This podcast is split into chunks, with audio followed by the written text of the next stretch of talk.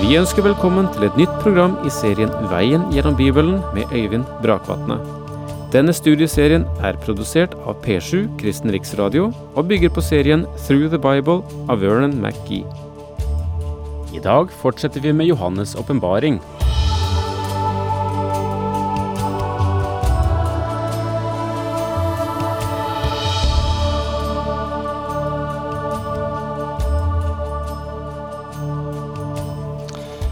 Vi befinner oss i eh, kapittel 11 i Johannes' åpenbaring, og fremdeles i mellomspillet mellom sjette og syvende basun. Eh, vi eh, leste de to første versene i kapittel 11 før vi måtte sette strek. Jeg forklarte mm, litt omkring en del av dette kapitlet, om forlatelse av disse versene. Men eh, la oss lese dem om igjen. Åpenbaringen 11, de to første versene. Jeg fikk nå et rør til å måle med. Det var som en stav, og det ble sagt til meg, reis deg og mål Guds tempel og alteret og dem som tilber der. Men forgården utenfor tempelet skal du ikke ta med. Den skal du ikke måle, for den er overlatt til hedningene, og de skal tråkke den hellige by under fot i 42 måneder. Jeg har forklart og satt denne eh, epoken som det tales om her, inn i det sammenheng som eh, Jesus omtaler i Lukas 21. Og jeg sa forrige gang litt om dette røret, eller staven, å måle med. Eh, det vi har å gjøre med tidsmål, gitt for hedningenes tid her, og etter dette mål vil dommen komme over dem. Men eh, den staven som omtales, eh, kan også være en, en trøst, selvfølgelig, fordi at man nå vet at enden, eller slutten, nærmer seg. Guds tempel fører oss tilbake igjen til Det gamle testamentet. Og jeg understreket sist at menigheten ikke er gitt noe tempel, for menigheten er et tempel ved Den hellige ånd. Så eh, her har vi nå en referanse, en henvisning, til eh, Israel også, som synes å være helt klart, og peker frem mot hedningenes tid, og det vil vi komme til. Det alteret som henvises til her, det er, dreier seg om bønnens gullalter, fordi alteret for brennofferet ikke sto i det egentlige tempelet, men i forgården. Og Den har Johannes fått eh, beskjed om at den skal han ikke måle. Selv de som tilber skal måles. Det kan virke merkelig på oss selv, det. Og Johannes ble bedt om å reise seg og måle, ikke bare det hellige stedet og alteret, men også dem som tilber der. Og eh, Gud teller dem som tilber ham, holder øye med, våker over. Men forgården utenfor tempelet skal du ikke ta med, den skal du ikke måle. Dette skjærer bort alt som ikke tilhører det egentlige tempel. Brennofferalteret, og her også bronsekaret, var utenfor det egentlige tempel. Siden dette alteret var et bilde på Kristi kors, så ser det ut til at det som ligger i dette uttrykket, er at evangeliet om Kristi kors vil være tilgjengelig for alle mennesker under denne intense, korte krise. Det skal ikke måles, og det, være, og det vil være tilgjengelig. For den er overlatt til hedningene, forteller at selv om denne perioden fremdeles tilhører hedningene, så er deres herskertid begrenset til 42 måneder. Som jeg tidligere har sagt, synes jeg at dette bekrefter Jesu ord i Lukas 21 vers 24.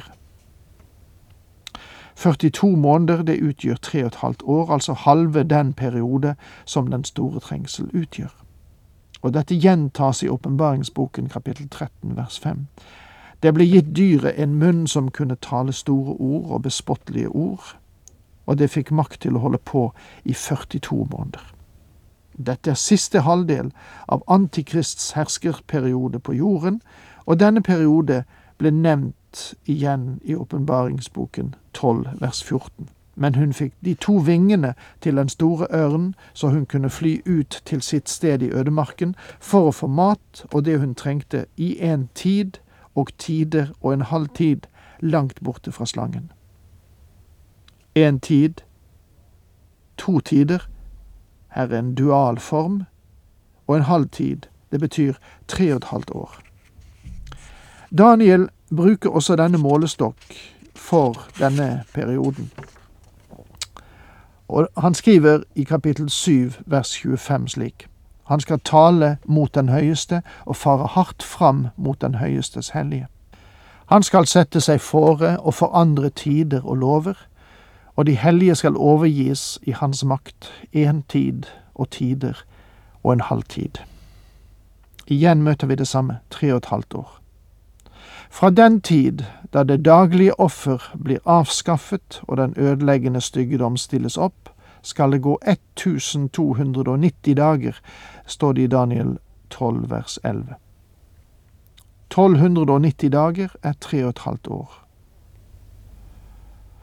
Og vi har ennå en henvisning i Daniels bok, nemlig i kapittel 9. En uke gjør han pakten tung for mange. Midt i uken gjør han ende på slaktoffer og grødoffer. På styggedommens vinger kommer det en som herjer, helt til ødeleggelsen som er fastsatt, strømmer ned over ødeleggeren selv. Og her ble den store trengsel delt inn i to like deler. Denne uke i Daniel er syv år, og denne syvårsperiode er den syttiende uke hos Daniel eller den store trengselsperiode. Men jeg vil sette mine to vitner kledd i sørgetøy av sekk til å profetere i 1260 dager. Det er mange meninger ute og går når det gjelder å bestemme hvem disse to vitnene er. De blir introdusert for oss uten noe forslag om hvem de er. Og jeg mener at hvis kjennskapet til disse to skikkelser var vesentlig for å forstå boken, tror jeg vi hadde fått en antydning om hvem de var. Forslagene har vært mange opp gjennom kirkens historie.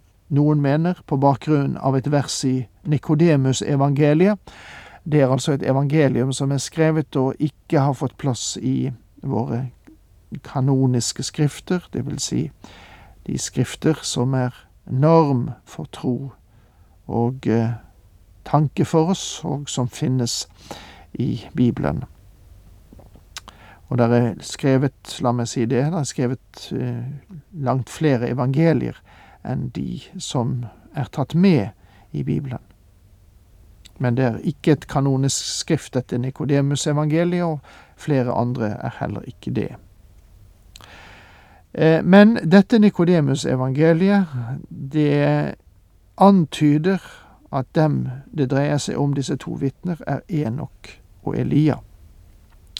Og Da skrives det slik i Nikodemus-evangeliet. Jeg er Enok som behaget Gud, og ble forvandlet ved ham. Og dette er Elia, dispitten. Vi skal også leve til tidenes ende. Men da vil vi bli sendt av Gud for å stå imot Antikrist og bli drept av ham, og så stå opp etter tre dager og løftes opp i skyene for å møte Herren. Noen åpner også for den muligheten at dette er to ukjente vitner, dvs. Si, de har tidligere ikke eksistert og har ennå ikke trådt fram på den historiske eller himmelske arena. At de er menneskelige vitner, synes å være klart ved beskrivelsen av dem. To er det antall vitner som loven krever. Og Det står eksempel i 5. Mosebok kapittel 17 vers 6 slik:" Etter to eller tre vitners utsagn skal dødsdommen fullbyrdes. Etter en manns vitneutsagn skal ingen dø. Den Herre Jesus sa det samme i forhold til menigheten. Men hører han ikke, så ta med deg én eller to andre, for etter to eller tre vitners utsagn skal enhver sak stå fast. Skriften har alltid krevd to vitner som vitnebærere før noe skulle holdes for sant. Derfor tror jeg vi kan klart si at disse vitnene er mennesker, og at det er to av dem. Dette er det vi kan være ganske sikre på, tror jeg. For meg virker det som ganske sannsynlig at Elia er den ene av dem, siden det var forutsatt at han ville vende tilbake. Se, jeg sender profeten Elia til dere før Herrens dag kommer, den store og skremmende, står det i Malaki kapittel 4 vers 5. Og det står også i Matteus evangeliet kapittel 17 vers 11. Han svarte Elia skal nå komme og sette alt i rette stand. Derfor kan vi, tror jeg, si med en viss sikkerhet at Elia er et av disse vitner. Det sies i Åpenbaringen 11,4 at disse to vitnene er to lysestaker som står for jordens herre, og dette er et favorittuttrykk for Elia, som spaserer ut av Skriftens blader med å si Så sant Herren Israels Gud lever, Han som jeg tjener, som det står i første kongebok kapittel 17 vers 1. Disse vitnene er to lysestaker, de er lys i verden. Det at Elia også opptrådte på Forklarelsens berg, styrker også dette. Men det, er, det nødvendiggjør også at det andre vitne er Moses, noe som er vanskeligere å understøtte, for scenen på Forklarelsens berg er ikke det eneste sammenligningsgrunnlag. Jeg vil gjerne komme med et forslag her som jeg ikke vil ta opp en diskusjon med noen om, og heller ikke fastslå som et postulat. Mitt forslag er at Johannes døperen er det andre vitnet. Han var en forløper for Kristus ved hans første komme. Han lignet Elia både i stil og budskap. Er sikker på at disse to karene ville ha følt seg vel i hverandres selskap. Begge visste hva det ville si å stå fast mot mørkets krefter og stå alene for Gud mot håpløse odds.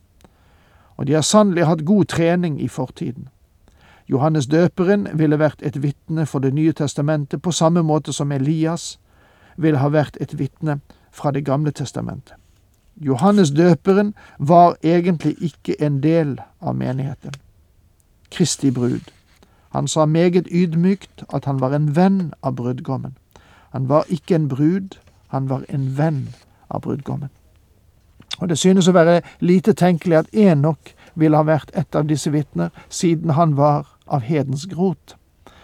Det faktum at han ikke døde, men ble bortrykket, kvalifiserer ham ikke for denne tjenesten, for ved den tid, når du kommer til den store trengsel, er menigheten allerede overført til sitt nye rike, og noen av dem vil også bli hentet hjem uten å dø.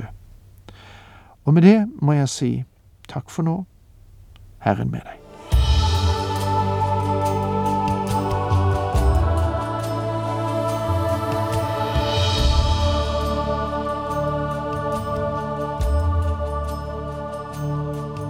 Du hørte Øyvind Brakvatne i studieserien Veien gjennom Bibelen. Serien bygger på et manus av Vern McGee. Har du spørsmål eller kommentarer til programmet, kan du sende en e-post til vgb krøllalfa p7.no. Takk for i dag, og på gjenhør.